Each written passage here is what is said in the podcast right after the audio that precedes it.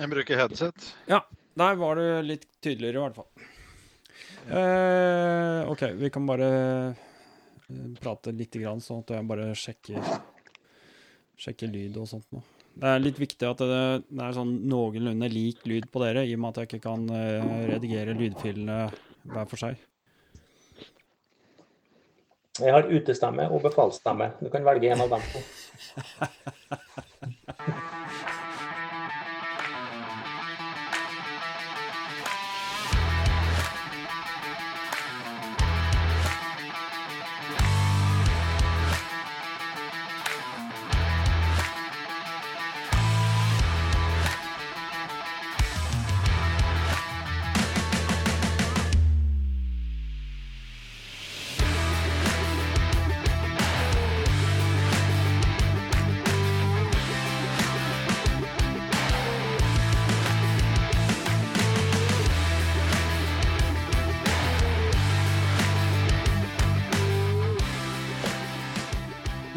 sammen. Velkommen tilbake til eh, Rally Nord podkast. Mitt navn er Dennis Travolta, som sedvanlig og vanlig. Ehm, I dag så skal vi faktisk eh, snakke litt om eh, det som skjer i løpet av dette året, og som, som alle begynner å glede seg ganske mye til. Um, vi skal uh, ha to gjester med oss i dag, og det gleder jeg meg veldig til uh, å få til det. Ehm, vi skal rett og slett eh, snakke om eh, noe som skjer eh, ute som et slags arrangement. Men dette skal mine gjester få lov til å fortelle mye mer om. Vi snakker da om Roadbook Sør-Norge, og med meg i dag så har jeg med meg Jon Øyvind Kvam og Ole Bertil Reistad. Hei, hei, dere. Hallo, hallo. Hallo, hallo. ja. Eh, Jon Øyvind, eh, deg har vi møtt før. Eh, jeg hadde en episode i fjor eh, om, eh, som, som het eh, The Roadbook Quest. Og da fikk jeg lov til å huse hjemme hos deg, og vi hadde en kjempegod prat på Tiller der du bor. Men du kan jo kanskje friske opp litt grann for de som ikke husker eller ikke har hørt. Ja, det kan jeg gjøre, vet du. Eh, Jon Øyvind Kvam. En liten korrupsjon der. Bor på, i Klæbu. Det er jo Trondheim, det er jo ikke langt unna. Nei. Eh, ja, hva mer skal man si da? Eh, har vært eh, den eh, Mister Panservagen, hvis folk følger med på de offentlige kanalene som det har blitt lagt ut litt der. Mm. Har bytta sykkel, men er vel kanskje Panserbataljon strek E fortsatt. Riktig. Ja. Det var en lett eh, gjenkjennelig doning du hadde, i hvert fall med Panservagen. Ja, det blir vel sånn med 98 nå, så er det, den, er, ja, den er jo lett gjenkjennelig nå. sånn sett. Ja, akkurat. Og så eh, Ole Bertil. Ja. Eh, Ole Bertil Reistad. Bor på Lillehammer. Lidenskapelig interessert i alt som går på to hjul. Og har vært delaktig i, i Roadbook eh, i en tiårsperiode. Det faller seg ganske naturlig eh, etter hvert å drive med roadbook for deg. Ja. Mm. Jeg har eh, bak bakgrunn fra motocross i unge dager. og eh, konverterte vel egentlig til enduro, rally, roadbook litt sånn glidende etter hvert. Ja, skal vi Ja. si noe mer om det? Altså, du, du drev med motocross og enduro. Jeg kjør- Ja, jeg kjørte aktivt motocross fra 1981, og siste norgescupløpet var vel i 2002. Ja. Og så har det blitt enduro og gubberally, hvis vi kaller roadbook i Norge for gubberally, så tror jeg vi er i nærheten. Det blir jo en form for konkurranse uten tidtagning, da. Mm.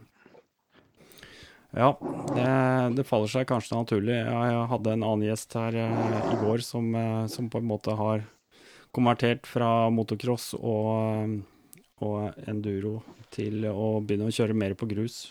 Så det var eh, Irene Askeland, faktisk. Så eh, Ja. det er bare å glede seg. De som ikke har hørt den episoden, den kommer nå, eller har kommet allerede.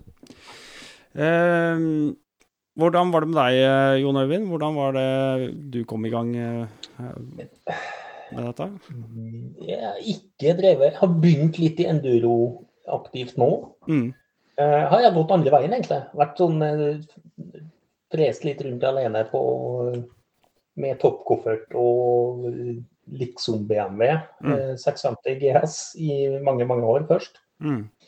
Og ja, blitt uh, Det er ikke mange åra siden jeg begynte med roadbook nede på det som vi kaller Rally Grenseland, på Morokulin camping. Mm. Trygve Otto, og, og, som har vært litt primus motor i den det, jeg vet ikke om du har vært involvert i det, Ole? Sannsynligvis litt? Jeg har i hvert fall vært deltaker. Ja. Så det der er begynt for en noen år siden. Og så ikke drevet noe mer særlig aktivt, men uh, det blir vel mer og mer av det nå, Ja, det er, ser det er kanskje et naturlig innsteg eh, til eh, det å, å komme i gang med roadbook. Fordi at det, sånn, sånn som personlig så, så ble jeg eh, medlem av eh, denne Facebook-gruppa som heter eh, Roadbook Sør-Norge. Og, og der ja, tenkte jeg dette her er jo kjempespennende, men jeg følte liksom ikke at Altså, jeg satt jo her på mitt eget lille gutterom holdt jeg på å si, og skulle liksom lære meg hvordan dette fungerer på egen hånd. Mens eh, det virkelige innsteget, det kom jo først når, når jeg eh, var på Rally Grenseland og, og møtte flere. For da var det liksom masse folk rundt som var der i samme ærend, og man kunne stille spørsmål, og man kunne gå rundt og kikke på utstyr og snakke med folk og, og liksom få masse tips og, og råd. Og det var et veldig fint innsteg i forhold til det å, å lære å kjøre roadbook. Og så blei det jo da å, å gjennomføre Roadbook eh, Sør-Norge da i fjor. Um, men dere er Dere er jo egentlig mange flere. Det er jo ikke bare dere to uh, som gjør dette. Det er vel uh, i utgangspunktet Dag Jensen som er uh, er Holdt på å si primus motor i det her, eller startet dette her, i hvert fall. Da- Dag Jensen hadde eh, ideen og spurte oss andre. Og de andre, da er jo utenom Jon Øyvind og meg sjøl, så er det en Trygve Otto Skar. Ja. Det er en eh, Per Strømsæter. Ja. Eh, Jale Vårdal har vært involvert. Eh, Hans Petter Haugsrud har, har vært involvert. Ja, Stemmer. Og for de som kanskje ikke visste det, så var vel egentlig Dag Jensen også eh, co-founder for eh, Offroad Touring Klubb en gang på 90-tallet, hvis jeg ikke tar helt feil. Så han har vært aktiv, i hvert fall på to hjul. Har ikke han vært på alle treffene, tror jeg? Jo, Han, ja, jo da, eh, men han var jo Jon Olav Horstø. Ja, det har nok helt sikkert. Veldig bra. Ehm, OK, skal vi ta litt grann om ehm, Dere er jo flere, eh, og kanskje kan en av dere fortelle litt hvordan dette her fungerer? Hva er det, det vi snakker om her, egentlig? Jeg vet ikke, Jon Eivind, om du eller jeg skal begynne, men eh, Begynn du. Roadbook Sør-Norge, det er jo Ideen der er jo bare å vise fram fine turområder på en orienteringsmåte. Der du tar de fra eh, fire-fem eh, destinasjoner. Mm. Eh, det er lagt opp sånn at det er laga én stor runde som går Da trenger du flere dager for å fullføre den runden. Mm. Da, da er det fem etapper. I år fem etapper. I fjor var vel den litt andre destinasjoner, så nå har vi flyttet destinasjonene. I tillegg så er det laga en øst-vest-rute som gjør at om du bor nord eller sør, så kan du ta en kortere runde. Mm. Da kan du kjøre tre-fire etapper, litt avhengig av åssen du bor til og hva du ønsker å få ut av det. Ja. Så det er, to, det er totalt seks etapper som er mulig. Og da er det jo Hele greia går ut på å orientere seg fra start til mål. Du får et startsted og et målsted, og derimellom vet du egentlig ikke hvor du skal kjøre. Nei. Nei, jeg har, eh, jeg har eh, det Sånn jeg kjørte i går, så hadde jeg eh, syv dager, da. Som jeg kjørte én etappe hver dag. Og noen av disse etappene er jo snudd, sånn at du kjører egentlig Den ene er vel eh, snudd, så du kjører samme, samme spor tilbake igjen, så vidt jeg veit. Altså ene eller andre veien. Og så er det en uh, annen som går litt i parallell, er det ikke det? Folldal Klæbu og I år blir det helt annerledes, Ja. ser det ut til. Ja. Det eh, blir vel til litt underveis, og det er vel litt sånn eh, Hvor skal vi ha stopp i eh, år? Og det er vel egentlig det eneste vi halvveis planlegger, på Mm. en måte. Mm. Blir det ca. samme stoppesteder, start- og stoppsteder, eller? Mm, I nord, nei. Nei. Eh, e- egentlig ingen. Ingen Nei, av stoppestedene. Nei. Nå er det flytta i pluss-minus område eh, Brandbu, Gran. Det er jo ikke så langt fra Hønefoss som har vært det en del. Og så havner vi oppe i Hallingdalen med et stoppested. Og så havner vi kanskje oppe i Ottadalen, type Lom, der omkring. Mm. Mm. Et i sør i Trøndelag, et i ja, sør for Femunden eller der omkring.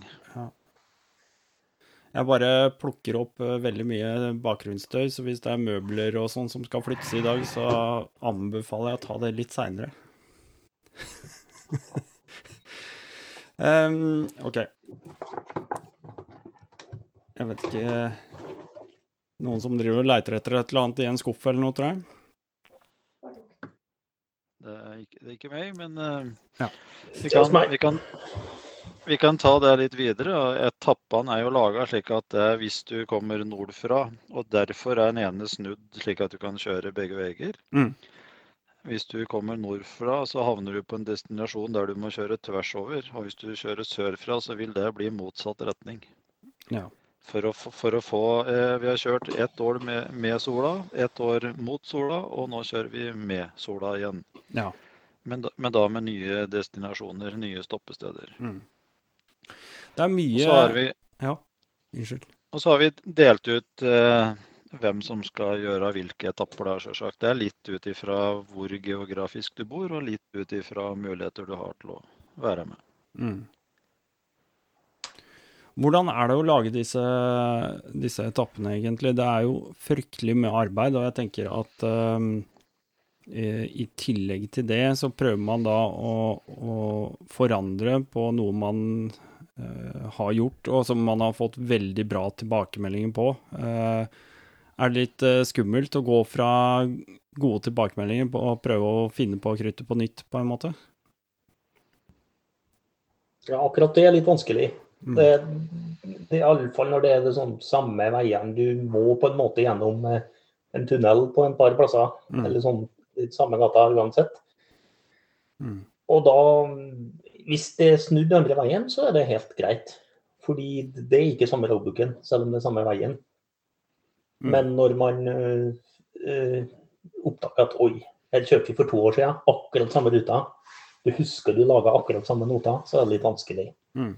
Og liksom, skal man overgå seg sjøl med å gjøre det enda mer teknisk, eller skal det bare være transport? Og for min del i år så blir det en del asfalt. Så ja, prøv å legge inn litt severdigheter, da.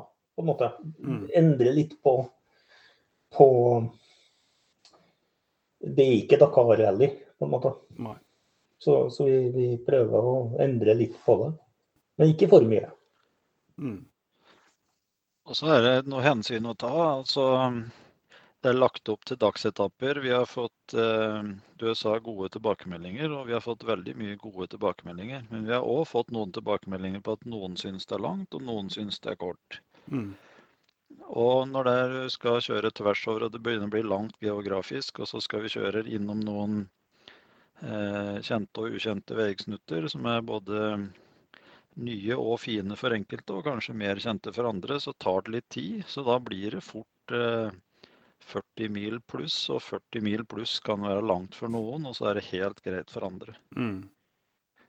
Og da må du gjøre noe kompromiss. Du må faktisk eh, av og til velge å flytte deg litt fortere geografisk for å komme fram før butikkene stenger i andre enden.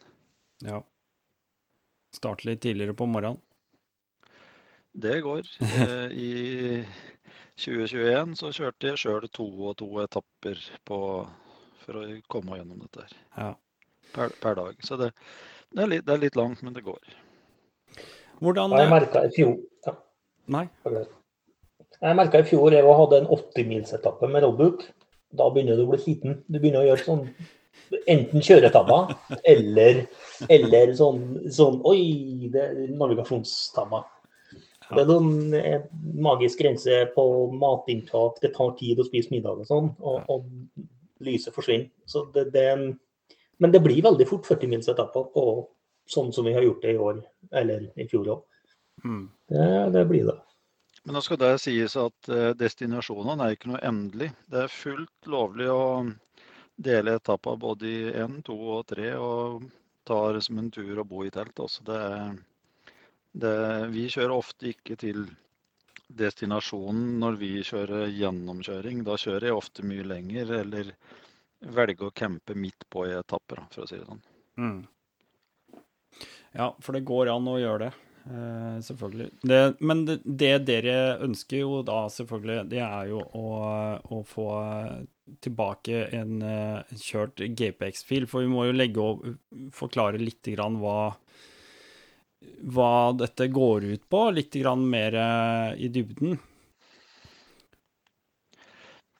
Det er lagt opp til en slags konkurranse hvor, hvor dere har henta inn sponsorer. Nå må vi jo selvfølgelig uh, oute dem litt. Det er Ledena og det er Backcountry MC som, som, er med og bidrar til at det finnes i hvert fall noen små premier å hente ut av det her. Og, og hvordan er det det fungerer?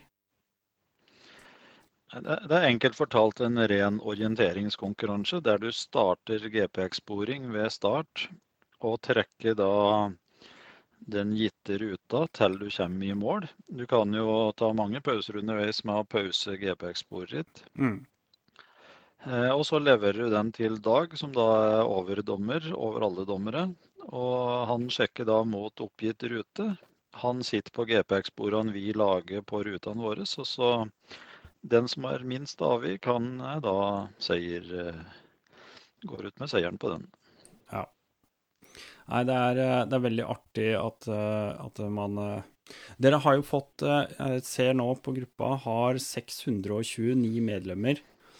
nå er det jo selvfølgelig ikke alle de som har kjørt dette her, vil jeg tro. Men, men har dere noe tall på det, eller? Hvor mange dere fikk innsendt uh, seinere? Jeg sitter ikke på tall. Det er i tilfelle en dag som må svare for eksakt. Men det var flere i 21 eller i 20. Det er jeg helt sikker på. Ja. Mm. Ja, det var fryktelig moro å kjøre, i hvert fall. Og, og, engasjementet er veldig stort på den gruppa. Når folk kjører, så postes det bilder, og, og det er jo fantastiske områder. Jeg har sagt det mange ganger og brukt flere anledninger å nevne at uh, jeg er så imponert over over eh, den, den, naturen vi har i det landet her, da. Eh, og, og, hvor store variasjoner det er, bare fra den ene til den andre dalen, på en måte. Når du har et område som, eh, som strekker seg fra ja, sør, sørøst til litt lenger nordvest, så, så opplever man og ser veldig mye forskjellig natur. Det er jo kjempe, det er kjempeterreng vi har tilgjengelig. Mm. Eh, egentlig mer eller mindre hele Norge. Det er litt smalt på midten, eh, midt i Nordland. Men ellers så er det voldsomt med fin natur å vise fram. Mm. Men, men, vi har jo også Ja, vær så god, Jon Eivind. Jo, et innspill der. Det er sånn det som er hverdagsruta min og din og sånn, liksom til og fra wherever får man òg tilbakemelding fra andre som ja, det er helt fantastisk over den, ved den sjøen. Altså. Og ja, ja, har kanskje ikke tenkt på det. Man får det litt i et annet perspektiv. det at man der man freser gjennom, eller tasser gjennom alt dette sånt. Eh, liksom, jo, det er en fantastisk Du får et litt annet perspektiv. Du får andre sin oppfatning av det hjemmeområdet, eller der du er godt kjent. Mm. Og det, det, i, i serien eh, gode tilbakemeldinger både på si den roadbooken vi lager, og den, uh, den ruta som blir laga, og liksom opplegget rundt, så er det òg det fantastisk natur dere har her. Ja, det er det. Jo, det er det, ja. Ikke sant? Mm, mm. Man får litt tid til å nyte, eller se litt seg sjøl i speilet på den. Ja, eh, det er helt sikkert. Og man blir jo som sagt vant i egne omgivelser. Og, og jeg har vært heldig. Altså, jeg har jo fått eh, vært eh, holdt på å si innom der dere bor, begge to. Underveis på, på ruta. Jeg blei jo ganske overraska den gangen jeg eh, kjørte fra Folldal og til eh, Klæbu og plutselig sto midt inne i et boligfelt hvor det sto eh, 'velkommen på kaffe'. Da da lurte jeg fælt. Hvor har jeg kommet nå? Og det var jo selvfølgelig der du bor, eh, Jon Øyvind. Ja, det stemmer det. Og det står jo øverst i rollbooken nå. Så Ja. det var en, det var en liten sånn eh, La oss se om folk har lest de første sidene av i- Ubevisst kanskje, men når du nevnte det sånn Jo, men jeg skrev ikke adressa mi. Jo, jeg gjorde det. Ikke sant? Så litt sånn eh, Og jeg har hatt besøk av Vi har overnatta i hagen din. eh, Ja. Hyggelige naboer får mye tilbakemeldinger fra, fra forskjellige folk. Og naboen her òg. Ja, du har mye besøk. Ja. Så det, det er koselig, det. Det er flott, det. det er bare å komme innom når som helst. Så det er flotte saker. Jeg fikk, eh, fikk også anledning til å kjøre Når jeg kjørte fra Fagernes til Rena, så, så kjørte jeg selvfølgelig eh, forbi noen flotte, svingete veier, og der sto jo faktisk eh, også du oppnevnt. Ole Bertil, du, du bor jo der. Et fantastisk sted med flott utsikt utover. Men du var ikke hjemme akkurat da når jeg kom, altså. Nei, jeg var ikke det. Men jeg kan jo si det at i løpet av sommeren 21, da, så var det sju-åtte stykker som kjørte roadbook som var innom her. Ja. Der, der vi hadde reparasjon på tre sykler underveis. Så vi har, eh, vi har eh, drevet litt feltservice da her. Vi hadde noen strømuttak som hadde tatt kvelden og litt, så vi måtte montere nye før de kom seg videre. Ja. Det er, det er sånne småting som har skjedd, da. Men det er jo artig da, hvis, eh, hvis man har mulighet til å åpne en garasje og kunne ta en kaffe og en prat og skru og, og liksom eh, prate litt. Det, det er jo kjempekoselig. Jeg må jo si det. Det er vel likhet for alle. Vi lever og ånder litt grann for den der på to hjul, så da er vel interessen der. Ja. Eh, Jeg tenker at eh, nå når dere eh, sitter og konstruerer nye ruter Nå er det jo vinteren, og jeg veit at et par steder i Norge så er det fryktelig mye snø nå. Hvordan påvirker det mulighetene for å rekognisere og sånne ting? Hvordan, hvordan foregår det nå?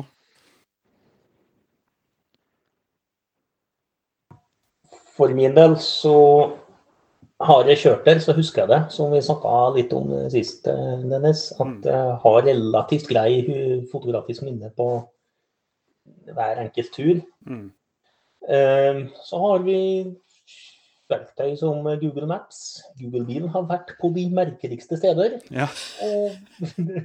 Har de firehjulstrekk? Eh, ja, tydeligvis. Og så har vi jo eh, sånn eh, flyfoto fra f.eks. Finn sine kartverk, Mm. som, blir, i min, eh, som jeg bruker veldig mye iallfall. Mm. Og så er det bare å høre med Ole Bertil. Han har vært overalt. Ja. Han har bokstavelig talt vært overalt. Han tipser om sånne lokale skogsbilveier for, eh, i mitt i Gåseidet, mitt område. Så, har du vært her? Ja, det har jeg, men har du vært der? Det er litt sånne Så vi, vi samarbeider litt med, med det òg. Sånn, er det her gjennomførbart? Er det her, skal vi ta hele gjengen over her, eller skal vi mm, ta den vanlige veien der, der vi tok for to år siden? Mm. Men i planleggingsøyemed så får vi gjort mye med Google Maps, altså. Og eh, ja, sunn fornuft. Så ser vi, i hvert fall jeg ser på meg sjøl som kartoman, da. Så jeg, jeg bruker kart voldsomt mye i jobb. Mhm. Og reiser mye i Norge i jobb, har gjort gjennom de siste 10-12 åra. Jeg har vært i samtlige Norges fylker med eget kjøretøy i snart ti år, hvert år. Og hver plass jeg er, så prøver jeg å lese meg opp på åssen det ser ut rundt meg. Mhm.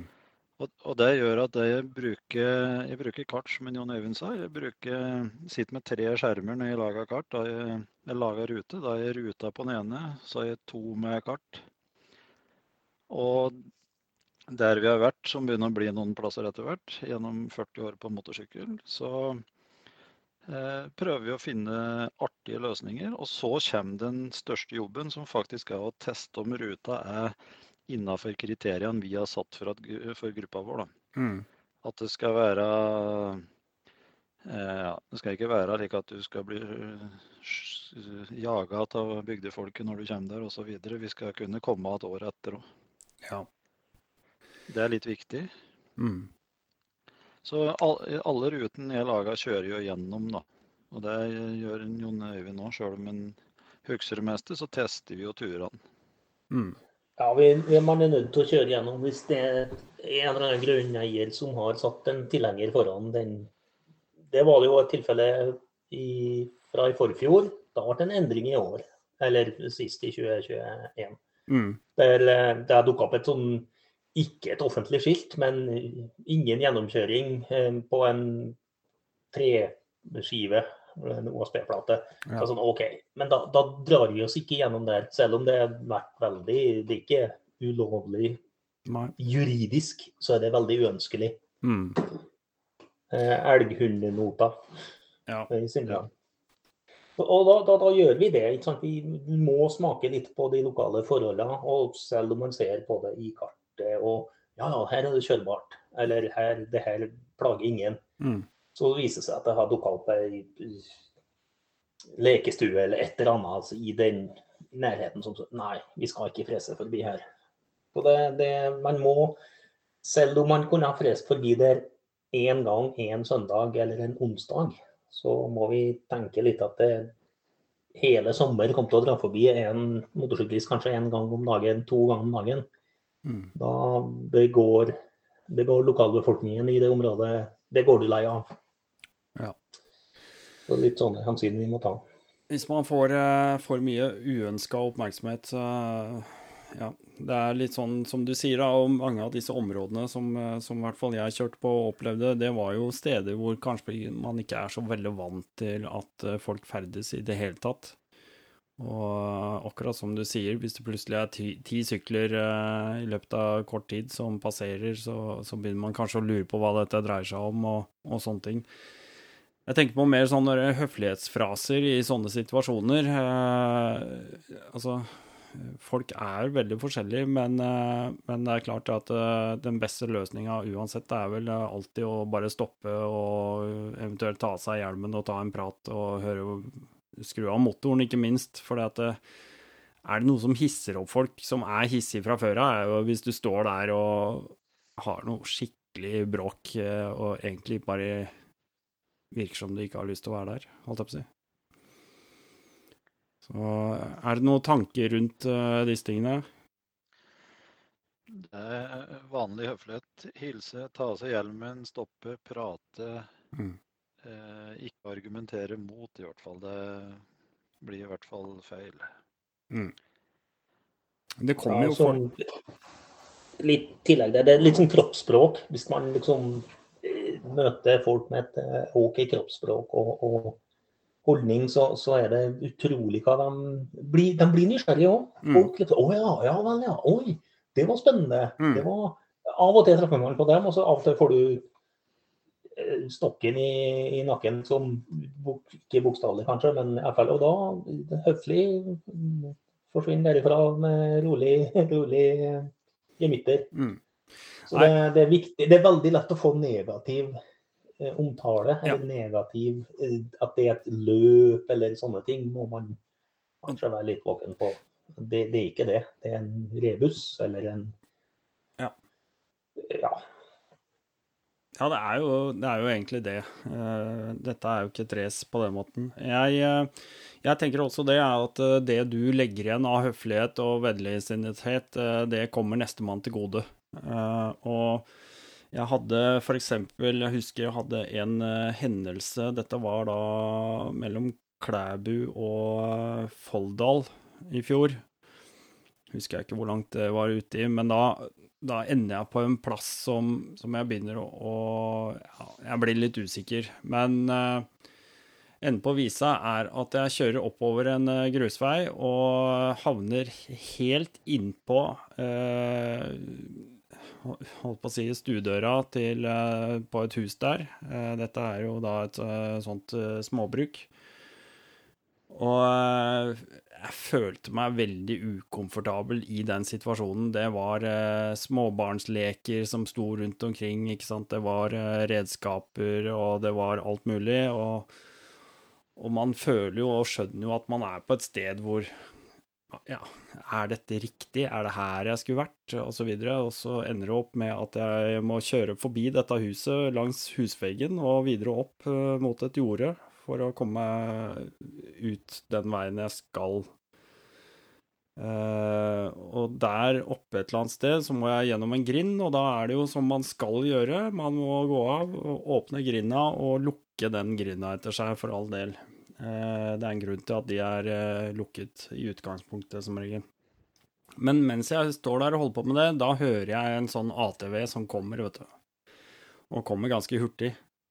Så jeg tenkte OK, er, her er det ikke noe vits å Her er det bare å begynne å prate. Så jeg sto bare og venta til denne ATV-en eh, kom fram, og da var det gardskjerringa som kom kjørende opp og lurte på hva dette var for noe. Og, og da måtte jeg jo bare forklare hva, hva, jeg holdt på med, og jeg, forklare litt om rollbook og, og sånne ting. Og hun var da oppriktig bekymra, fordi når det var fremmedfolk, så måtte de vite hva det var for noe, fordi eh, de hadde masse hyttefelt i området der, og de hadde hatt et sånn derre innbruddsraid eh, et par år i forveien. Og det er klart, de har eh, mye redskaper, dyrt, av alt mulig sånn type sitteklippere og ja, alt mulig rart. Og, og, det er klart, dette er jo interessant for noen å få raska med seg. og da blir det jo eh, en, eh, en slags uh, alarm som går, da, når, når, folk begynner å passere uh, hyppig på sånne steder.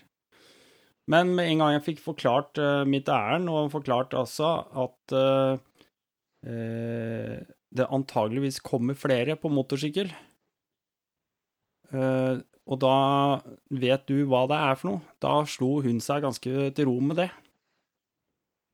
Da var det helt greit. Så ha det litt i bakhuet hvis man uh, treffer på folk. Uh, prøv også å forklare at det kan hende det kommer noen andre også. Tenker jeg, da. Ja, og det, det, er helt riktig. Det gjelder jo egentlig for alle sammen som treffer på den. At mm. vi har liksom på en måte eh, tar seg tid til å forklare den her Ja, hva det går ut på. og vi er, det Fordelen er vi er relativt godt voksne folk som mm. eh, da, da, roer de seg som oftest ned. Eh, hvis man er liksom fortsatt har hjelmen på og er i reismodus, da, de, ja. da har man en annen tilnærming til Det skal de ikke ha noe av. Nei. Men uh, ja, vanlig høflighet kommer man ofte, folkeskikk kommer man ofte langt med, altså briller med speilglass og sånn. Da Sånn er det. Um, hvordan, hvordan, blir det nå i år? Eh, når er det man tenker at uh, man slipper ut uh, filer? Er det i slutten av mai, eller er det for tidlig? Det mai blir for tidlig. Ja. Da er det snø ennå. Mm. Var det juli i fjor? Eh, tror jeg. Uh, en ting er at vi bør. Og vi må ha egentlig kjørt gjennom løypa vår sjøl, iallfall. Uh, til da. Og da krever det òg litt tid, som du var litt innom her, Dennis. Om, om at uh, det å tegne den på kartet tar litt tid. Og så det å faktisk kjøre gjennom om det er noen lokale forhold. Er det, er det en back som en ikke ser? Er det et eller annet? Så mm. bør vi ha kjørt gjennom da. Mm. Så juni tidligst, iallfall. Ik ikke mai. Åssen er det, Ole Bertil, når du kjører andres eh, roadbooks? Er det sånn at du, når du sitter og leser notene, får du noen ideer om uh, Dere har på en måte hver deres signatur i forhold til hvordan dere setter opp disse bøkene? Ja, det fins jo egentlig en slags mal på åssen det skal gjøres. Men er jo, vi er jo mennesker, så vi gjør det litt forskjellig. Og så vi både lærer litt av hverandre, og så kommer vi med tilbakemeldinger hvis vi ser det overflod av noter eller underskudd av noter. Det kan jo være begge veier. Mm. For mye informasjon kan være like feil som ingen informasjon. Mm. Du, skal, du, skal, rekke å absorbere i fart òg. Og så er det, som Øyvind sa, at det kanskje av og til da, så er det litt langt imellom eh, sjølve notepunkter, altså der det skal skje noen forandringer av retning eller noe, så kanskje vi må sette inn utsiktspunkter og litt, så vi ikke skal lete etter noe å drive med på turen. Ja. Nei, jeg... jeg har brukt den metodikken nå. Her er det ei bru. Hvis du har kjørt ei mil, og det er enda ei mil til neste punkt, som er et T-kryss, og det er noen muligheter Så Da har jeg satt inn sånn safety note på en måte om at her er det ei bru. OK, der passerte brua. Da kan du trimme trippen din der, f.eks. Hvis du har en halv kilometer feil. Så, men jeg har kanskje brukt litt for mange noter da, igjen på uh, altså kryss. Og så bruker jeg ofte, jeg hadde i fjor, en ekstra note med du passerer en, en, en gård på høyrehånda, f.eks. Et eller annet sånt. At du da får en sånn confirmation. Eh, mange liker jo det. Det blir mm. enklere å kjøre. Men så er det òg utfordringen med Det er den ene noten du har, mm. hvis man ikke har det.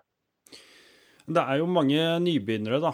Eh, og for nybegynneren så er det jo selvfølgelig eh, desto mer informasjon. Det trenger ikke å være flere noter nødvendigvis, men mer informasjon. Og det Altså sånn personlig så, så opplevde jeg jo i hvert fall at uh, de bøkene til uh, til uh, Jon Øyvind, de var litt mer sånn Det var noen smådetaljer her og der. Det var liksom en, en, en strømmast som var tegna inn, det var kanskje et hus her og der. Det var litt mer Litt mer sånne smådetaljer. Ikke det at det gjorde det så mye lettere, men man slo seg litt mer til ro med at man var på rette plassen.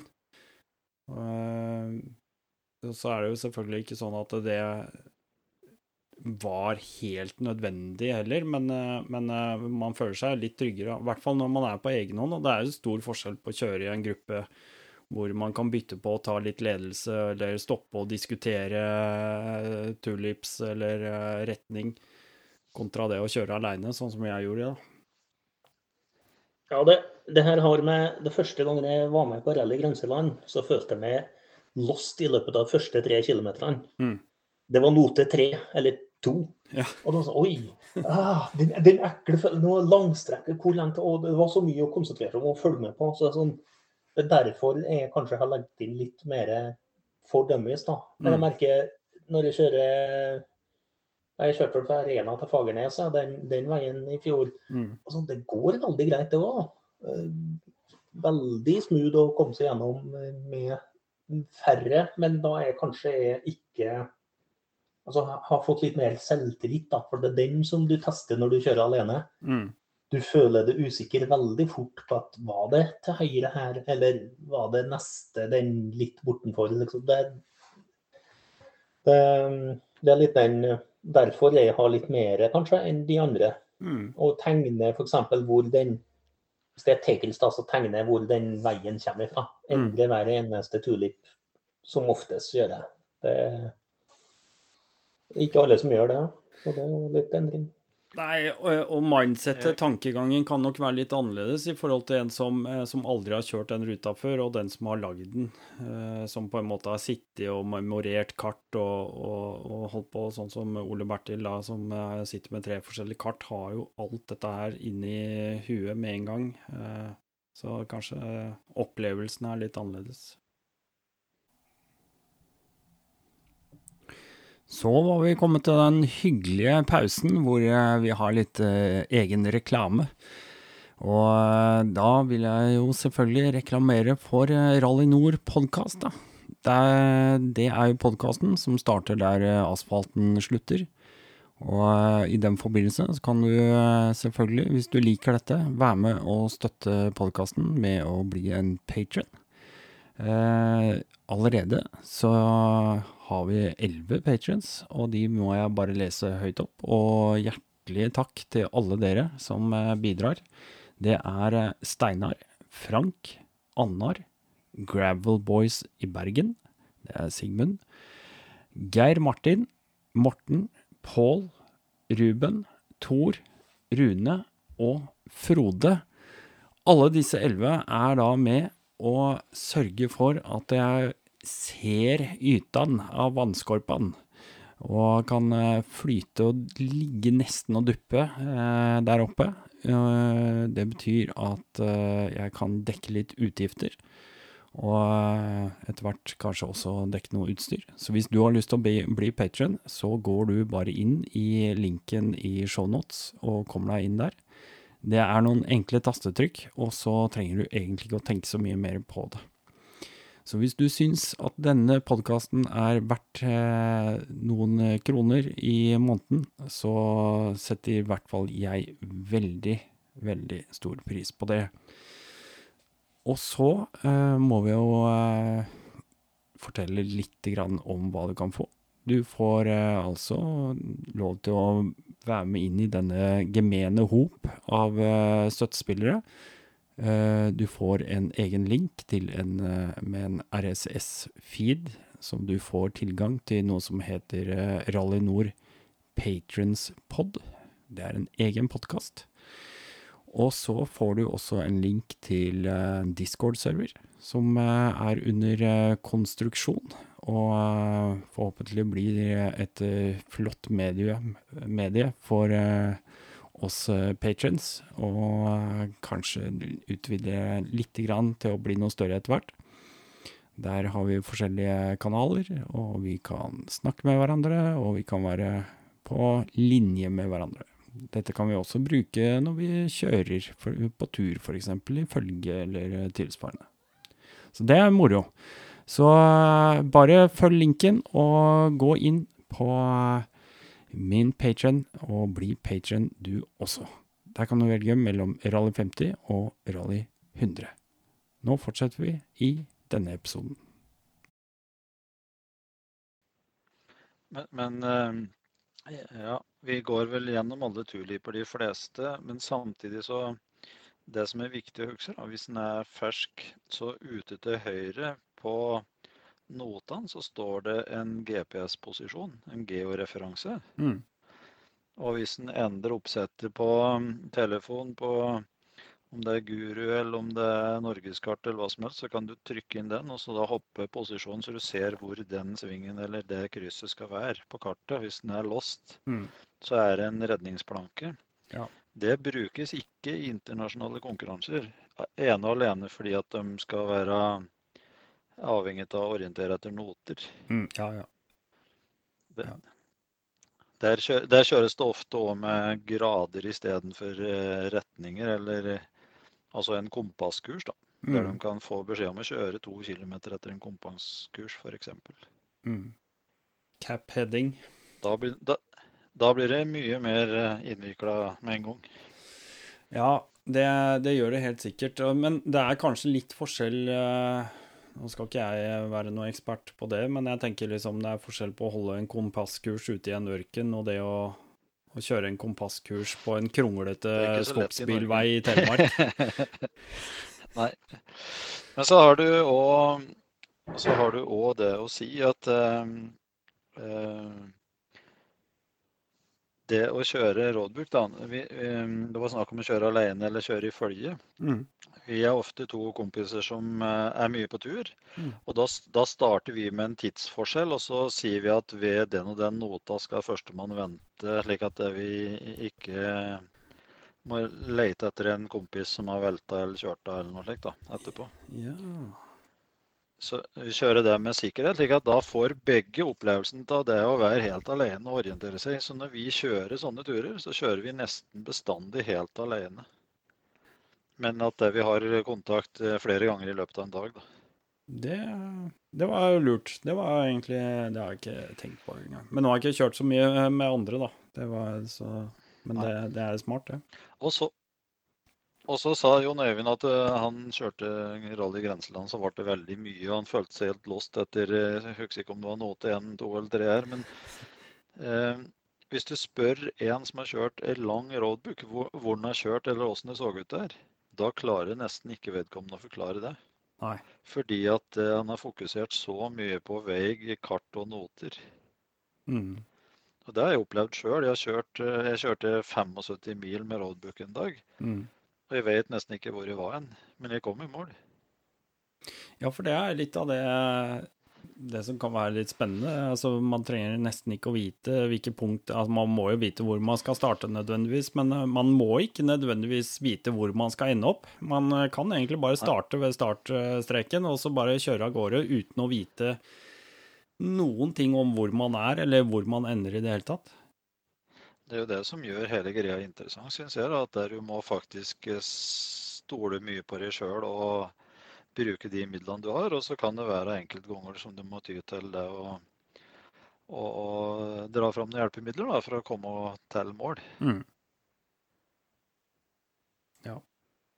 Fins det andre Fins det andre sånne ting som det her? Altså, vi nevner jo Rally Grenseland. Det, det er jo Trygve Otto Skar som står bak. eh, Men også Og så har vi jo da eh, Roadbook eh, Sør-Norge. Men fins det flere sånne type uh, halvorganiserte eller helorganiserte roadbook-kjøringer i Norge?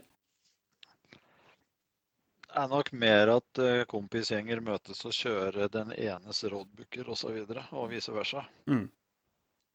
Jeg gjorde et spett forsøk i vinter på å kjøre en vinterroadbook på fredag, lørdag, søndag med kjøring i lys, altså nattorientering på fredagskveld og lørdag, søndag. Og det eh, regna mer eller mindre bort i februar, for å si det på en enkel måte. Slik at det, vi, vi endte vel opp med å være fire kompiser som tok en dagstur til slutt. Ja. Vi avlyste egentlig arrangementet, og så ble det fire kompiser som kjørte en dagstur. Og da starta vi med avstand. Jeg kjørte bakerst, for jeg visste jo hvor rutene gikk, for jeg hadde jo laga dem. Mm. Så vi kjørte på vinterføre, så hadde jeg en roadbook som var 28 mil lang. da. Så, Det er ganske gøy. ja, Og en, som en runde. Og da kjørte vi ikke samme veien noen gang to ganger. Men hvordan legger du opp da?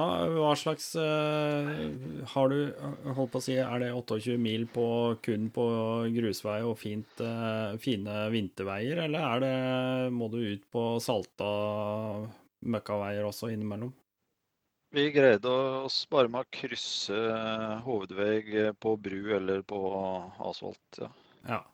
Så da går det an å kjøre det- med langpigg eller eh, Ja, men det er egentlig det er nesten tre ganger så mye jobb å lage ei sånn rute som å lage ei på sommersføre. Fordi at der må du ut og finne ut om veien faktisk er brøyta. Ja. Og det, hjel det hjelper ikke å se etter i desember hvis du skal kjøre i februar. Fordi at den må være brøyta i februar òg, da du kommer igjen. Det er sant. Så, så jeg hadde Ja, jeg kjørte nær 4000 km på snø i fjor vinter. Ja. Så jeg hadde en del turer på rekognosering og en del turer for å kose meg. Mm. Skulle nesten vært interessant å fått eh, tilgang til eh, postrutene, for da veit man at det må være brøyta. Ja, det er post... Og så blir jo Dette blir jo på en måte i lokalmiljøet, slik at det er lokalt i den forstand at du driver innenfor en radie på 20 mil, som du er relativt godt kjent. Så da må du prøve å finne ut hvilke veier som er åpne. Mm. Nå har jeg den store fordelen at jeg jobba i skogbrukssammenheng i hele voksenlivet mitt, så jeg er ganske godt kjent på alt som heter småveier her omkring. Ja. Nei, det, det ser jeg som en uh, god fordel, selvfølgelig. Ja. Vi kan jo òg si det at hvis uh, værgudene vil og arbeidslysta og tida strekker seg litt, så har jeg tenkt å prøve ei slik helg i vinter òg. Mm. Ja, det, det er moro med vinterkjøring. Ja, det er noe spesielt, det. Ja. Åssen er det med deg, eh, Jon Øyvind? Er det noe vinterkjøring for din del?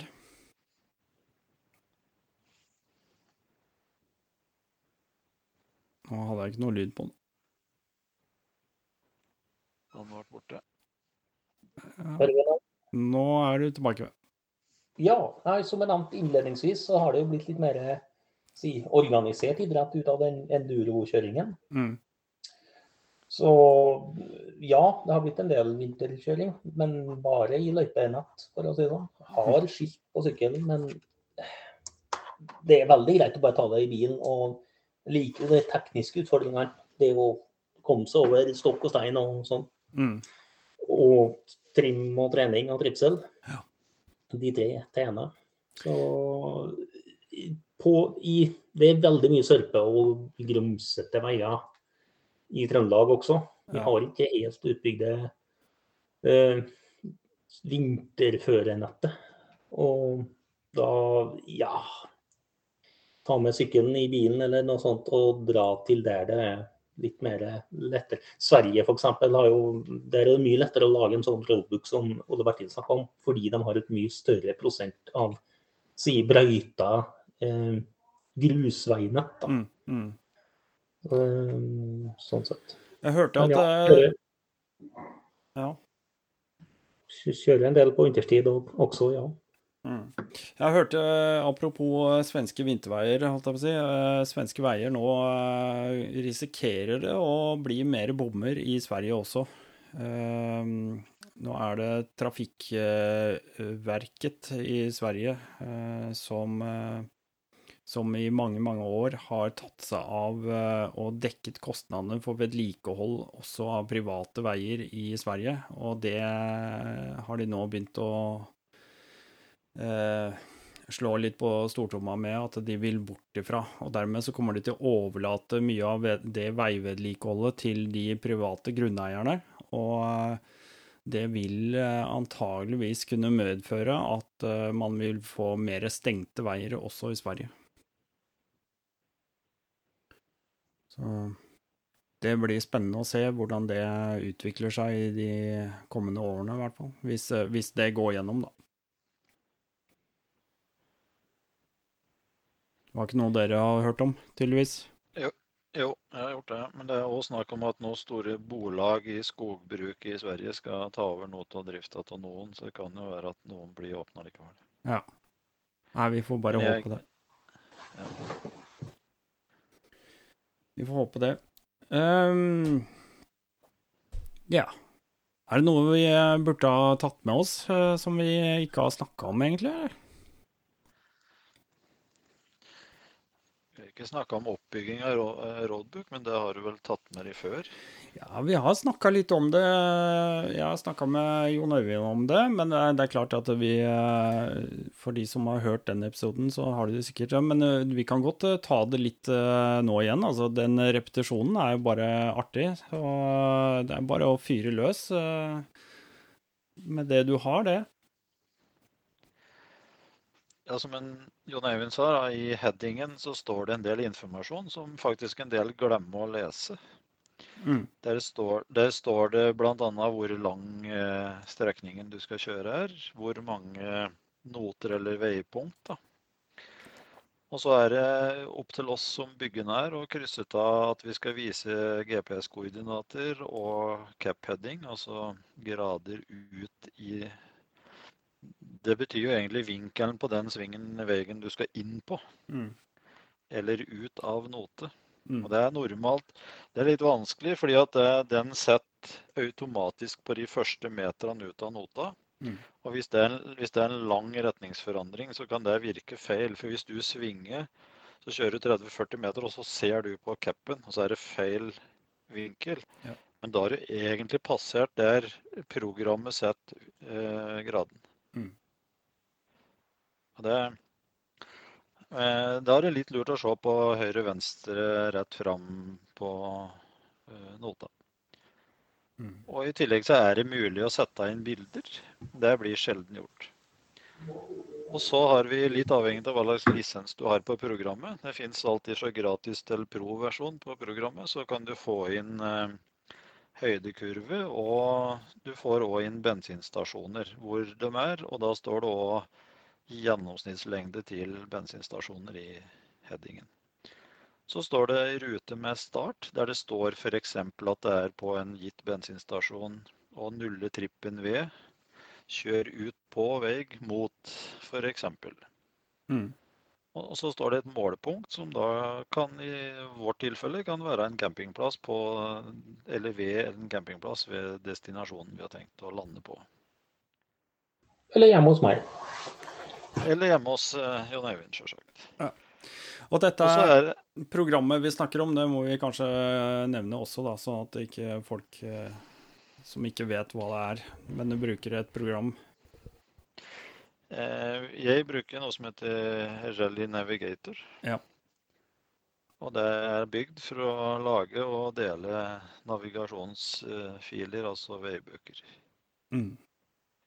Det er veldig, veldig fint å forholde seg til, og da får du også et bakgrunnsbilde som er Google Maps, eh, så vidt jeg husker. Er ikke det? Det er korrekt. Um, veldig enkelt. Jeg begynte å, å lage en roadbook selv i fjor, og det er fryktelig moro. Altså, det er mye å lære, det er mye å sette seg inn i, men eh, når man begynner å skjønne hvordan det fungerer, så er det jo også veldig enkelt. Eh, den vanskeligste jobben er jo nesten å finne, finne ut om den veien er kjørbar eller ikke. Så det er jo veldig viktig at man ikke bare deler ut disse tingene uten at eh, man vet det. Akkurat det er jo også det artigste. Å se om hvor, hvor stor suksessrate hadde man på sin egen eller andre sine rollbook, på en måte. At Mm. man liksom Yes, hm, ja, stemmer det. Og det, det er litt artig å få, få det til, da. Mm. En annen fordel for min del har vært at tempoet går betraktelig ned når man må følge med på uh, roadbooken samtidig som man kjører. Mm. Istedenfor ligge person nummer tre i køen, der man kan pushe, pushe, pushe, pushe, Mm. så må man faktisk konsentrere, altså dele konsentrasjonen på navigeringen og, og kjøringen. Mm. Og da det blir roligere. Man må bevisst slakka av. Nå kommer det en note snart. Og de som er gode, de klarer å holde den helt til siste 100 meteren og bremse inn hardt. Og de som trenger litt lengre tid, liksom, da er du usikker en kilometer før at du har begynt å slakke av. Mm. Og ser på trippen for hver 50. meter. Riktig. Jeg kjenner, jeg, kjenner meg, jeg kjenner meg så godt igjen. Det er sant. Men eh, det, litt mer om eh, denne roadbooken, eh, Ole Bertil. Hvordan, hvordan går du fram, eh, holdt jeg på å si, videre? Nei, nå har jeg laga for 2022, da, så har jeg laga foreløpig så har jeg tre utkast som jeg jobber med. Mm. Og så skal jeg punkt én sjekke noen strekninger. Jeg driver og prøver å justere litt for å få en, en folkelig lengde. Jeg kom litt langt første turen. Mm. Eh, Jon Øyvind og jeg vi samarbeider om, eh, litt om en av de som kommer eh, da nordfra. Eh, og så når de gjør det, så da kan det være at jeg drar ut eh, litt tidlig en søndagsmorgen her, og så kjører jeg den ene ene veien og den andre andre veien Mm. for å sjekke. Og da, da tar jeg både med noter og GPX-filer i mitt tilfelle, for da kan jeg kjøre fritt hvilke vei jeg vil, uavhengig av om jeg lager noter. Mm. Og da er det først og fremst for å sjekke både noter og om det er kjørbart. Og da kan det hende at jeg sporer om litt og kobler inn. Og det er jo så fint laga program at hvis du finner en strekning der du faktisk må gjøre korrigeringer, så kan du lage en GPX-fil og importere i programmet. Ja, det kan du. Så kan du legge om ruta når du kommer mot. Ja, for i utgangspunktet så kan du egentlig lage en hel roadbook bare ved å, å overføre en GPX-fil som du allerede har, er det ikke sånn? Jo, du kan ta inn Og du kan klippe og skjøte og ordne GPX-filer. Mm, mm. Det, det her hører vi har litt forskjellig, for jeg har til nå ikke lagra noe mer enn kanskje tre GPX-filer ever i hele livet. Så eh, jeg tegner en og en, ikke en og en prikk, men lar Google den algoritmen håndtere hver enkelt punkt. Mm. Der er det kryss, så jeg kjører ruta si manuelt Mm. På kartet. Ja.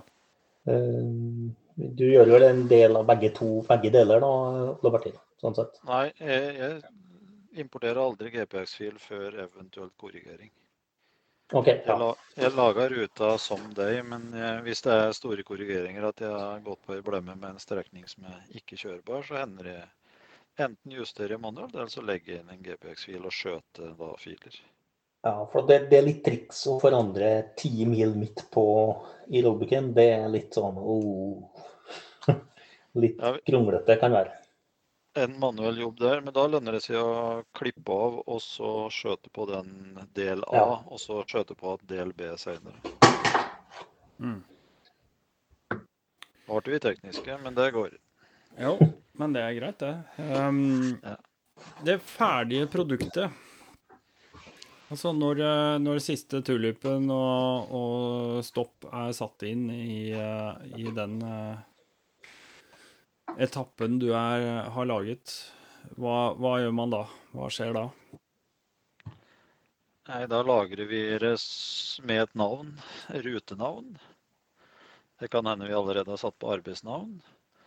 Og da havner den i en uh, mulighet til å eksportere, der du kan eh, eksportere en fil som roadbook, med og uten GPX, med og uten informasjon.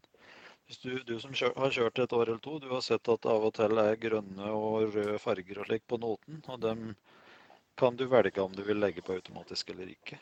De, de, Den valgte vi i fjor å ha på, ble det sånn? Den eh, autotusj-funksjonen. Ja, Den er ganske grei. Jeg synes jeg håper dere fortsetter med den. For det er i hvert fall sånn jeg opplevde det når du har, er på sjette-syvende dagen eh, og har lest eh, noter i en halv uke i strekk, eh, så, så er det veldig greit å få den der grønne som bare sier at du, bare 50 meter borti herfor her, så er det en ny tulip, på en måte. At du ikke bare børner forbi. Ja, spesielt den røde der du har to tuliper som er nærme hverandre. De er veldig fort gjort å ikke Ja. Hvis du ikke har noe printer, for å si det sånn, så er det sånn Ah, stemmer, de var close. Har de blitt røde nå? Var ikke de bare grønne i fjor? Ja, Det er forskjellige farger. Alt dette var de, de som er nærme innenfor 100 meter eller noe sånt, Ja. de er røde. Ja, OK. Ja, jeg husker bare grønne. Da er det 400 meter tror jeg. Men ja. eh, det er noe av det første jeg prøver å lære bort til folk som ikke har prøvd før. Det er rett og slett å ha hvis mulig tre noter på den skjermen du skal se på. Mm. Mm. Den du skal til er den øverste, og så ser du om det er kort eller lang avstand til de neste, og eventuelt hva som er på de neste hele tida. Ja, og den informasjonen har du òg på eh, den trippteller, så ser du hvor langt det er til neste note. Mm. Hvis du rekker det i, i, i forbindelse med hvordan en rådbruk er oppbygd, Mm. så ser du det at OK, her er det 20 meter, 10 meter mellom de to, to første notene du har på, på display eller på Ja, jeg har jo paper, eh, paperback-versjon. Og da, da OK. Her, så hvis man klarer å få med seg den informasjonen tidlig, så, så trenger man ikke den tusjingen. Men igjen, etter tre-fire-fem dager, så er man skitten. Mm. Veldig greit at de er ringa rundt. Ja. Her er det, her er det nærme. Det er sant. Men eh, etter, at, eh, etter at man er ferdig og fornøyd, eh, så skal man jo ha dette her ut på Og da har man gjerne et, to forskjellige formater man kan benytte seg av. Uh, noen som har lyst til å si noe mer om det? Ja, det kan vi. Det ene er jo et eh, sømløst eh, som ofte blir brukt digitalt, eller hvis det blir skrevet i ruller for papirversjon. Mm. Eh, det er det som er mest brukt på ja, apper som vi har på nettbrett og telefon og lignende. Og så har vi et som vi kaller for A4, der vi, han, han automatisk lager passe bred papirversjon på et A4-ark. Så må han klippe og lime for å få det inn i holdere for de som kjører med den eh, papirverden. Mm. Nå, han, både John Øyvind og jeg gjør delvis det sjøl. Og et tips der å ikke skrive ut eh, på begge sidene. Men, men du, kan, du, kan, snu og skrive ut eh, den neste etappe på, på baksida av rullen, men ikke skrive Det blir veldig knotete annethvert ark. Er det egen erfaring her nå? Det er egen erfaring vi snakker om her. Det ble veldig det liksom Tulit 13 og 27. Oi, det var nå skal, si, nå skal, det sies at den proffe verden på Rådbuk går eh, gradvis eh, over til eh, digitalt. Mm. Men et av argumentene for papir har jo vært for dem som har kjørt type Afrika Eco Race, Dakar og lignende. Det har vært det at hvis de har krasja, mm. og så Slottsund ja, tårn eller fester eller det elektroniske duppedittaen som skal hjelpe deg, så har de faktisk fortsatt papirhjulen. Og mm. de har en, trip, de har en trippteller. Ja. De kan kjøre vintre. De kan faktisk bare dra ut og rive av et papirverk i ny og ne. Ja. Men eh, nå, jeg tror 2022, så går Dakar digitalt. Ja, det var snakk om det. Ja. Mm. De har blitt dinosaurer. Ja. ja. Hva slags uh, utstyr benytter man seg av? Altså Papirrullen, da har man uh, enten så har man en uh, manuell eller en elektrisk papirtrekker. da har man da enten et hjul som man skrur på, som man rull, drar denne rullen rundt med, eller man kan ha en elektrisk motor som drar denne. Og så er det jo på den eh, elektroniske utgaven, der er det jo masse forskjellige muligheter. Hvilke muligheter eh, benytter dere dere av? Begge vi kjører vel papir fra Jeg har en fra MD. Eh, den har vært tidligere i Dakar, den rollbook-callen min. Med en motor der du kan trykke på forover og bakover og veldig kurant. Mm de første åra jeg kjørte rally, eller kjørte rally grenseland, så hadde en Biltema solgte en sånn plastboks. Fungerer helt utmerket. Kjørte med original trippteller på 990 mm. uten justeringsmuligheter. Og, øh, og den papirversjonen fra Biltema. Mm. Du må rulle med hånda, og det ble litt vanskelig å regne i fart mens man kjørte, fordi man ikke hadde mulighet til å justere trippen. mm. Men du har også avstand mellom trippen, så du kan nullstille hver bilgang. Så det, det, det, krever egentlig fryktelig lite utstyr. Man kan lage seg en sånn roadbook-leser av en matboks fra Nille, mm. hvis, hvis, man vil strippe seg på styret. Mm. Og så kan man gå full skala ut og bruke 15 25 000 på et tårn. 30-40. Ja.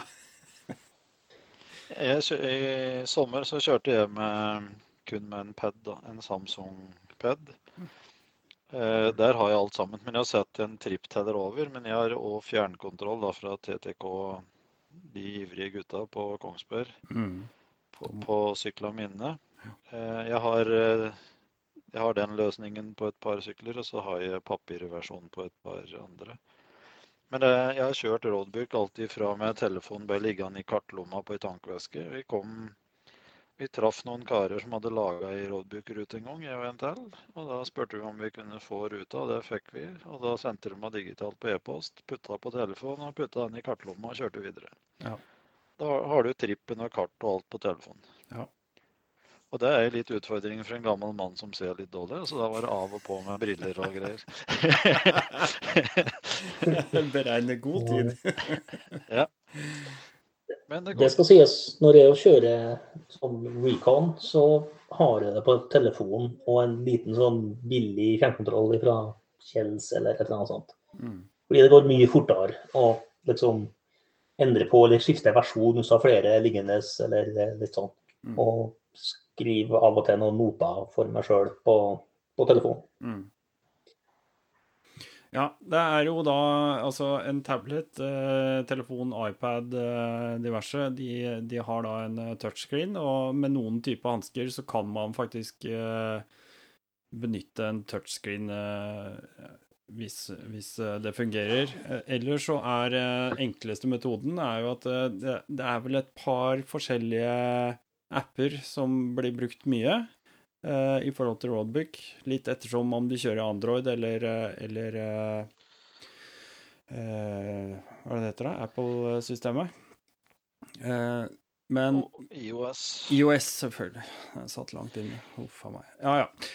Um, men det fins en veldig enkel løsning hvor man faktisk kan bare bruke, bruke en, en Hvis man har noen gamle ørepropper, bare klippe av de uh, høyttalerne, og så bruke den pluss-minusen i forhold til lyd, og så kan man faktisk linke det opp og bruke den til å scrolle med. Det også fungerer faktisk. Og så er det jo Kan du jo gjøre dette så avansert som du bare gidder, som du sier. Kaste på 30 000-40 000 hvis du vil det. Eh, TTK Rally med Kjetil og Thomas, eh, som, eh, som er noen eh, flittige ingeniører som har kommet opp med en fryktelig god løsning, eller flere typer løsninger og patenter. Skal jeg for så vidt prate med til helga igjen. Det, det fungerer råbra, og, og det jeg, bruker jeg i hvert fall på min med en, med en sånn Kina-telefon, en sånn rugged phone-type. Svær, diger skjerm. Uh, elendig som telefon, men fungerer helt utmerket bare til å scrolle opp og ned i uh, roadbooks og til noen kart. Det er, det, og det er jo kanskje en fordel da, med å ha det digitalt, det er at man kan ja, bruke den enheten til andre ting enn bare å ha en papirrulle i. Man kan bruke det til uh, alle mulige typer kartverk og tjenester som, eh, som er mulig å ha på en sånn type ting. Så ja. Hvis du går, hvis du går for en eh, type styring som TTK, så kan du òg styre kart når du kjører vanlig tur på ferie osv. Mm. Ja, ja. Og så, fin, så finnes det òg sånne små blåtann radiostyringsenheter som er tenkt på å putte i bil, som du får for et par hundre kroner på Elkjøp og lek, som holder ei stund, for å si det sånn. Det De er holdt det første lange regnværet. Så det er greit å ha to. Ja. Jeg, jeg, kan, jeg kan jo si det at jeg har vært så heldig da, at eh, jeg har vært eh, testfører for Thomas og, og co. Så jeg har, eh, jeg har prøvd alle de variantene de har laga. Mm. Så jeg, jeg har alle, og det er et kjempeprodukt. Det er det faktisk. Ja. Det er det. Eh, det som er dumt med en sånn type altså, Og det må jo sies da at eh, når vi først snakker om det igjen, nå skal de få lov til å forklare mer om sine egne produkter, da, men dette her er jo da eh, strømforsynt via en USB-tilkobling, sånn at man har rett og slett strøm til enhver tid. Og kontra en sånn type trådløs eh, fjernkontroll som, som eh, man må lade opp. Og det er jo ordentlig dritt da når man har enten glemt å lade den, eller glemt å skru den av kvelden i forveien. Og så har man tappa det batteriet til eh, man skal kjøre. Jeg veit at det er noen produsenter utenfor, uten å oute dem for mye, som, som har sånne type oppladbare løsninger. Og så har de en eh, USB-ladeport. Eh, poenget er bare at den sitter på innsida, så at med en gang man setter den og monterer den på sykkelen, så kan man ikke plugge inn en USB-kabel. Så det vil si at du må lade den før du monterer den. Du kan ikke eh, kjøre med strøm inn Og det er jo fryktelig teit. Så her er det litt sånn Kanskje greit å, å, å tenke seg litt godt om før man uh, går til anskaffelse av uh, noe som helst. Og så, og så er det lurt, som en, Jon Eivind sa, å gå for noe som tåler første regnværet. Mm. Det må tåle regn og vind, og kanskje ha med i hette og treover om natta, så det ikke kommer fuktighet inn i kontakter osv. Ja. Sko, sånn blå skoposer er ikke så dumt for, eh, for sånne ting. Nei. En annen ting jeg bruker, eh, husker jeg på nå, jeg bruker den Rally Navigator-appen Mm. som en tredje eh, trippteller, som jeg aldri rører, aldri justerer. Men det er hvis alle de andre to skal gå tre, skal gå helt ad undas, så har jeg en backup der. Mm. Og i landscape mode så har den òg cap-headingen. Ja. Uten å vise roadbooken, da er den kun brukt som en, en egen eh, tripp og cap. Og det har ikke en GPS-repeater i tillegg på, på, på tårnet mitt, eller på det utstyret. Jeg har kun to IK, altså kun to tripptellere. Mm. Så det, det, den er fin for sånn enkel hvis man trenger GPS-heading. Mm. Vi snakker litt om det. Det har også eh, si piste, da, som er kanskje den andre folk bruker. Piste Reader, eller hva den heter. Ja.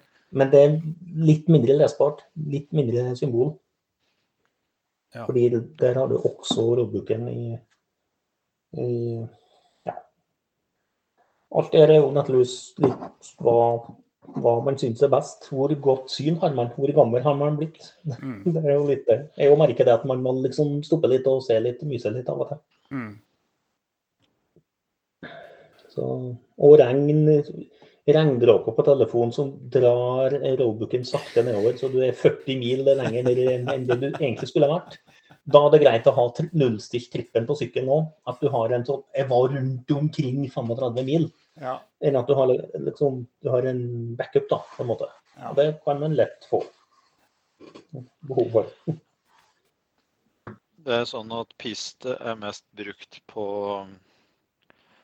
for de fleste, men den er ikke laga for, for Apple-produkter. Nei. Ikke meg bekjent. Det har vært litt eh, att og fram, men eh, Jeg har forstått det er vanskelig å få tak i for Apple-utstyr. Ja. Mm.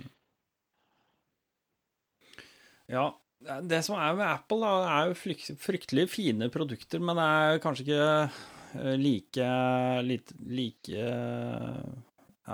Jeg hadde, jeg hadde en sånn eh, iPad Mini eh, til å begynne med, eh, men jeg syns Og jeg har eh, Jeg kjører jo bare Mac og Apple eh, ellers.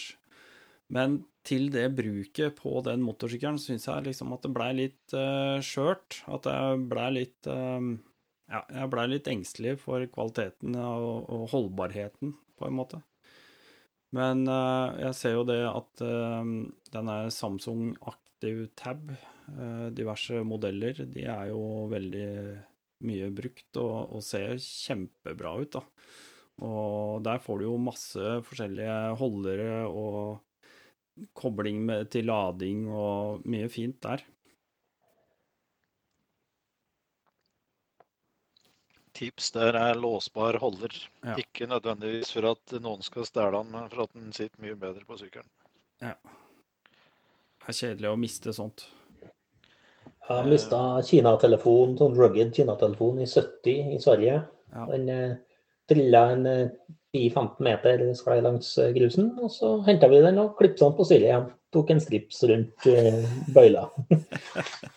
så, så det tror ikke en eh, Jeg tror vi knuste en iPhone på samme turen, men det var vel unrelated. Ja. Men ja, det er utrolig dritt når det er sånt skjer. Mm. Og det er dyrt utstyr, det koster mye penger. Da. Så når du først har knust den skjermen, så er det ikke sikkert det er lønnsomt engang å prøve å bytte den. For det også koster Altså, jo veit ikke du hvor du er. Hvis du bare er avhengig av den du er, så veit ikke du hvor du er. Nei. Jeg ser litt etter et forsøk på å ha eh, pad eller noe sånt utapå den papiret. Jeg liker papirrollbooken, da. Det er jo Mm. litt gammeldags sånn sett. Mm. Så, men det blir fullt på styret og mye vekt. Ja. Et tips er uansett holder, så finnes det sånn X-grip å få kjøpt på type Claes Olsson. De har en strikk for å feste det er Rammounts-utstyr, og de har en strikk for å holde ting på plass. Mm. Og den kan, den kan du sette på nesten hvilken som helst holder. Mm. Bare ta, ta den bak og dra den over. Så det hjelper fælt hvis du har noe du er i tvil om. Ja da. Og det, når du først er inne på det da, og nevner det, så må jeg si at uh, jeg også hadde en X-Grip til min eh, iPad Mini. Og veldig mange var veldig Nei, det, det der funker ikke, og det holder ikke. Og jeg har sett masse YouTube-videoer. Og folk poster i fullt alvor at de gummiknottene faller av. Og, og det, da ble jeg litt sånn oppgitt. Fordi når du kjøper denne her, så ligger det i pakka med den X-gripen, så ligger det en tube med lim. Og det er et lynlim som er ment for at du skal lime fast de gummiknottene. Du skal ikke bare tre dem inn på den stanga. Du skal faktisk ha masse lim inni eh, den gummiknotten før du trer den på, og så skal det få lov til å tørke. Og da faller ikke de gummiknottene av, altså. Så for de som uh, tenker at de ikke kan kjøpe en X-Grip fordi at de, de, har hørt at det faller av, så, så merk deg det. Det er, uh, det er, et lim som skal lime dem fast, og da holder det. Så det Ja. Det var, det var bare dagens tips fra meg.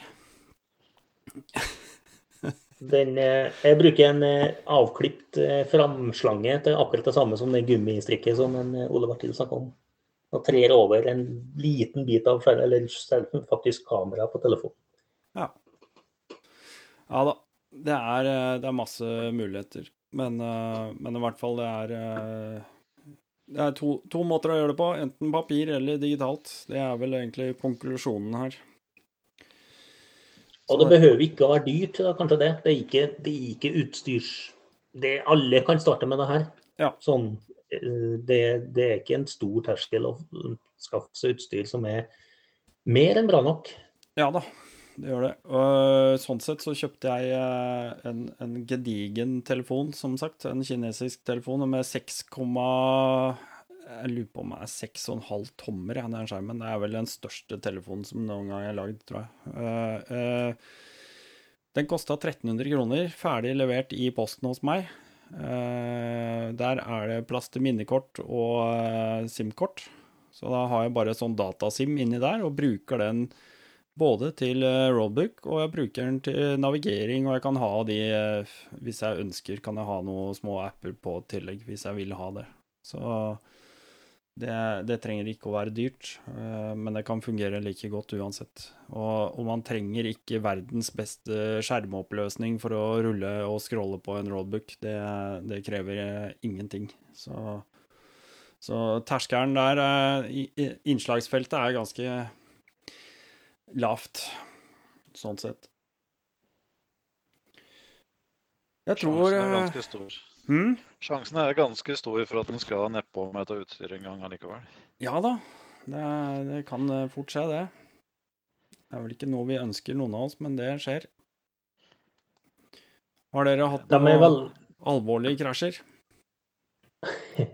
Jeg har krasja på motocrossbaner i Rindalen med, min, eh, med tårnet mitt.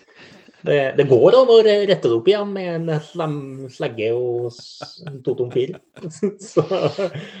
men eh, etter det så har jeg tatt med meg en jeg tror det var 1,5 eller 2 mm Umbraco. fordi det, det, det, lærer man seg da, at eh, det må man ha for å demontere motor og utstyret. Så. Ja. Men ellers så har jeg berga ganske bra. så Tåler ganske mye juling. Det som har, har vært i Dakar, det har vært ned før, ser jeg. Mm. Ja. Nei, det er veldig bra. Um, denne episoden her, den var jo egentlig Hadde jeg jo egentlig planlagt at det var bare meg og Ole Bertil, men så kjenner jeg jo Jon Øyvind. Jeg blei jo kjent med deg i fjor, og, og tilfeldigvis så skulle det ha seg sånn at du har en liten uh, nyttårs... Uh, helg eh, i Oslo, og det, du er jo faktisk bare et par kilometer bortafor hos meg, men eh, ja På grunn av tiden så er det litt vanskelig, og sånn ble det dessverre denne gangen. Jeg hadde håpa at vi kunne selvfølgelig sitte i samme rom og, og prate med Ole Bertil, men det får vi bare ha til gode. Vi kommer helt sikkert til å treffes på andre arenaer også senere. Um, noen uh, last uh, famous words, egentlig? Vi er ikke eksperter. Vi er uh, noen som syns dette er såpass moro at vi driver med det mye av året. Ja. ja. Det er eh, kanskje ikke veldig mange av oss som kan påberope oss å være eksperter i det her på noen måte uansett. Eh, men, eh, men, det er klart at uh, i, det, i, det, miljøet her så er det fullt mulig å lære veldig mye hvis man uh, ønsker. Så, og jeg ser at i, hvis det kommer spørsmål inn på, på gruppa, så, så, blir de ofte besvart ganske rent og ryddig og fint forklart. Og det er stor iver etter å, å, å hjelpe andre, så det er veldig hyggelig, da. Absolutt. Jeg gleder meg i hvert fall til eh, årets uh, Roadbook uh, Sør-Norge. Det er ikke noe å lure på. Det er bra. Det gjør vi òg. Jeg er også veldig glad for at dere ikke får lov å delta i den konkurransen. For det gjorde at jeg fikk en annenplass i 2021. jeg kjørte ikke gjennom alle i fjor. Nei? Eh, nei, rakk ikke det. Men uh, Det kommer. Det kommer muligheter. Absolutt. Ja. Og det som, eh, det som Ole Bertil og du òg er litt innom, at det er veldig godt samarbeid. Folk er fine, og det er gode tilbakemeldinger. Og det, liksom, det vil hjelpes til, og har noen et dekk, et eller annet sånt. Mm. Det er alltid en, det, det, Man viser litt av det, det med folka som vi kjører sammen med. Kanskje ikke direkte, men eh, at vi veit av at de har vært eh, foran oss eller bak oss, eller sånn, så vi, vi, tar vare på hverandre. og Det, det ser man. Jeg gleder, gleder, meg til å møte dere igjen. Om det ikke er hjemme hos meg den gangen her, så kanskje det blir ja, annen plass. Ja, absolutt. Og jeg gleder meg til å møte alle de andre også. Jeg veit det er eh, det, liksom, det er veldig sånn, god stemning når, når, når, sesongen er åpna, og det er faktisk flere som er ute i samme ærend. Man bare vet ikke Man er på litt forskjellige plasser, og kanskje, som man sier, kanskje man møtes ved start eller møtes ved stopp. Og alltid hyggelig å, å bli kjent med nye folk. Så ja. Dette, dette blir bra. Det blir bra. Jeg tror vi skal bare runde den av her. Og så tenker jeg også at uh, når vi spiller inn dette nå, så er det fortsatt bare 2. januar. Og uh, det nye året er uh, så vidt kommet og begynt. jeg ønsker dere et riktig godt nyttår og masse gode opplevelser for, for det kommende. Så skal vi bare si det sånn. Ja. Takk for nå. Ja. Da sier jeg bare godt nyttår og sjalabais til dere. Godt nyttår, ja. Sjalabais tilbake. Ja, det er herlig. Supert. Ha det, ha det. Ja. Det var uh, Jon Øyvind Kvam det, og Ole Bertil eh, Reistad. Uh, fantastiske uh, ildsjeler innen dette miljøet. Som, som, er så smittende og så moro. mange som ikke skjønner helt den greia med å kjøre roadbook. de vil gjerne bare ha en GPX-fil, og, og ja, ja. Det, det, er sikkert en måte Det er jo gøy. Jeg, jeg er ikke utenom der, jeg heller. Jeg også reiser rundt på, på GPX-filer, jeg, selvfølgelig. Tet for eksempel, er lagt opp sånn, men for all del. Eh, vil du ha utfordring, vil du ha noe moro, eh, prøv eh, roadbook. Eh, ta sjansen. Spør noen som kan det. Eh, finn gruppa på Facebook eller sånne ting, og meld deg inn der. Eh, begynne å lage egne roadbooks. Eh, fantastisk spennende og, og utfordrende. Man blir eh, eh, godt kjent eh, med miljøene man, man utforsker. Så, så, her er mye å ta tak i. Jeg eh, tror jeg bare runder av med det, og så høres vi bare i neste episode. Og nå røpa jeg meg lite grann, men eh, det kommer, eh, kommer mer om, eh, om roadbooks og sånne ting. Det skal ikke handle direkte om det, men utstyr, det må vi ha. OK. Takk for meg. Shalawais, over og ut.